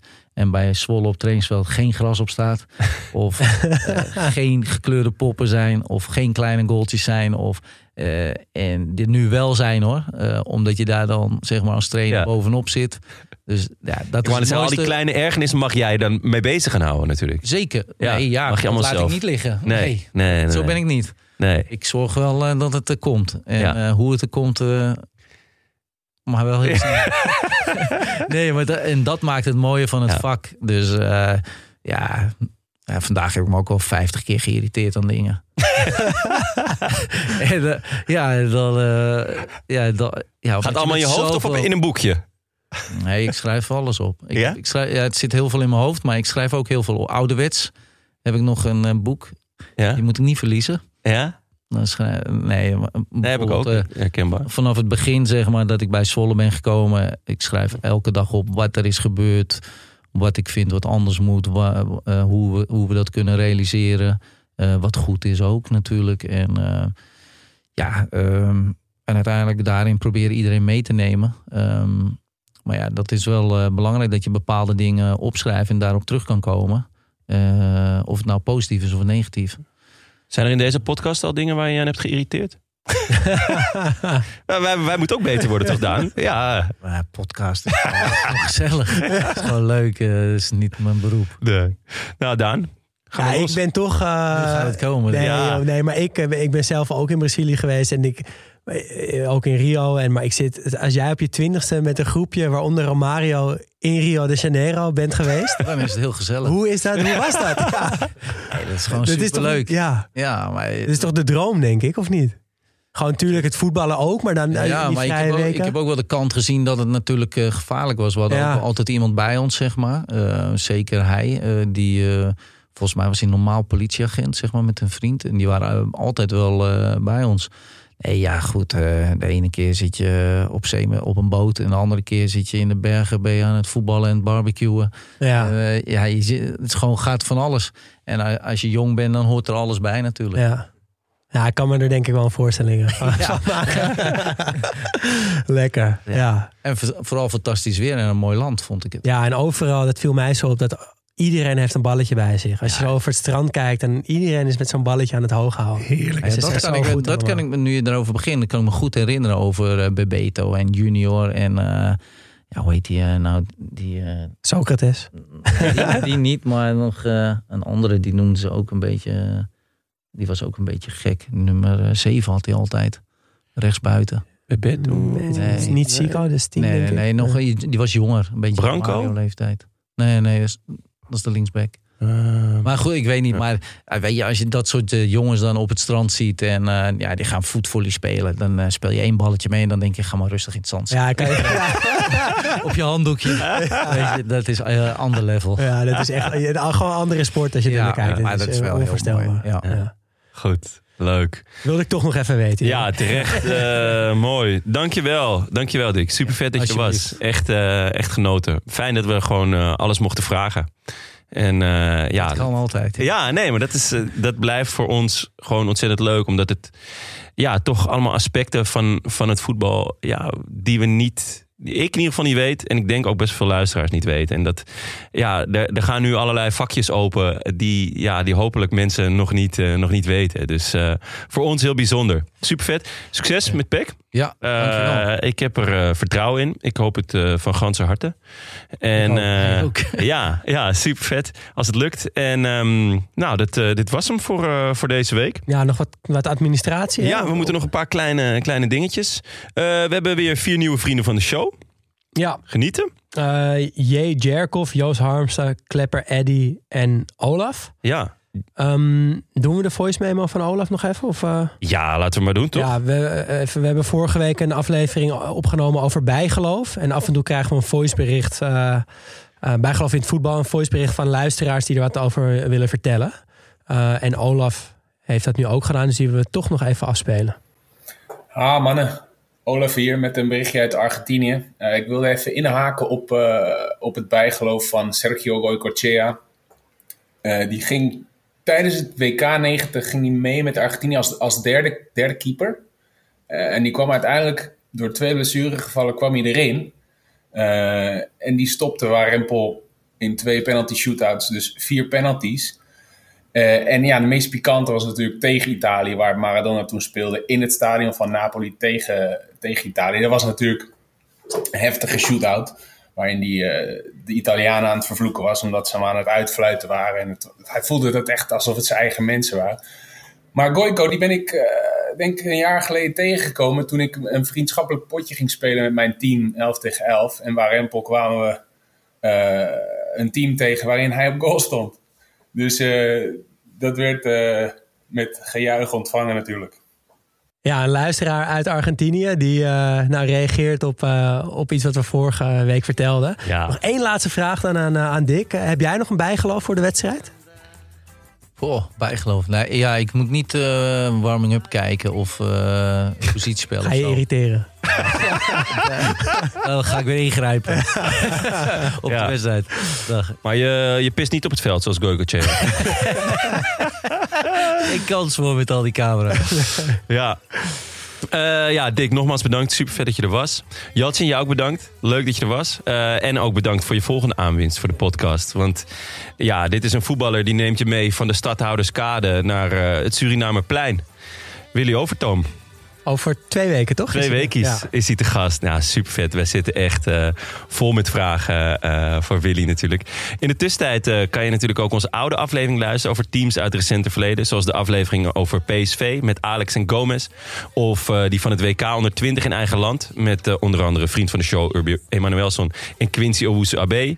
Of die over FC Porto. Die onder de rap afgeleidende Mourinho de Champions League wonnen. Om eh, maar eens een paar eh, pareltjes te noemen. Ja, eh, Studio Socrates wordt mede mogelijk gemaakt door Dag en Nacht Media. Wil je meepraten? Dat kan. Laat een berichtje achter op vriendvandeshow.nl slash Studio Socrates of via Instagram studio-socrates. Mailen kan trouwens ook. Ons e-mailadres is studiosocrates@podcast. Oh wow, podcast@gmail.com. Vond je het leuk? Laat dan een review achter via iTunes of word vriend van de show vanaf 2,50 euro per maand. En help Daan om, eh, om zijn trainerspapieren te halen. Kan je je ook lekker irriteren. Heerlijk.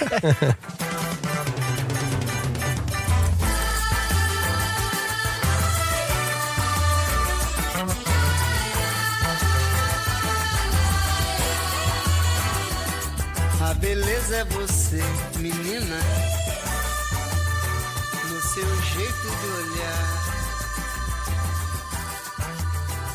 Sucesso é você, menina, menina, no seu modo de andar. Alegria